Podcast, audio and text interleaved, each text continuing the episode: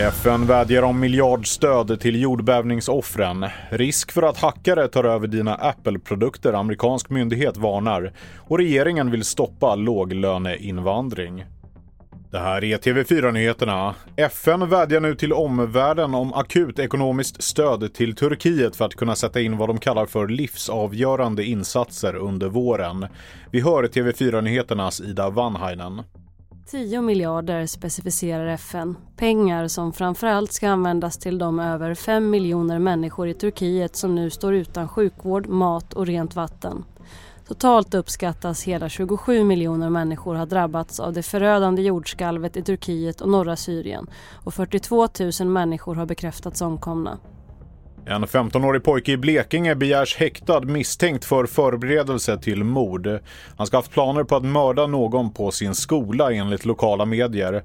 Mordet ska ha varit planerat till den 30 januari tidigare i år. Pojken anhölls under torsdagen och har förhörts. Låglöneinvandringen ska stoppas och vissa yrkesgrupper som personliga assistenter ska kunna uteslutas helt från möjligheten att komma till Sverige för att jobba. En nytillsatt utredning ska mejsla fram förslag på hur arbetskraftsinvandringen ska begränsas och hur ett lönegolv ska införas.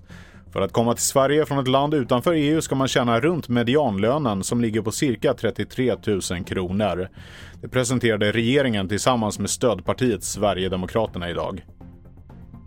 Den amerikanska cybersäkerhetsmyndigheten CISA varnar för att det kan finnas allvarliga säkerhetsbrister i flera av Apples produkter.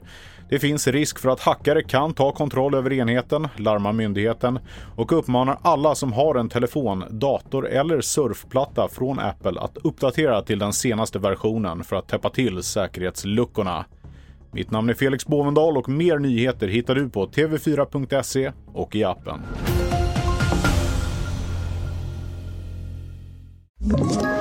Ett poddtips från Podplay. I podden Något Kaiko garanterar östgötarna Brutti och jag, Davva, dig en stor dos skratt. Där följer jag pladask för köttätandet igen. Man är lite som en jävla vampyr. Man har fått lite blodsmak och då måste man ha mer. Udda spaningar, fängslande anekdoter och en och annan arg rant. Jag måste ha mitt kaffe på morgonen för annars är jag ingen trevlig människa. Då är du ingen trevlig människa, punkt. Något kajko, hör du på Podplay. Därför arkadeinerna.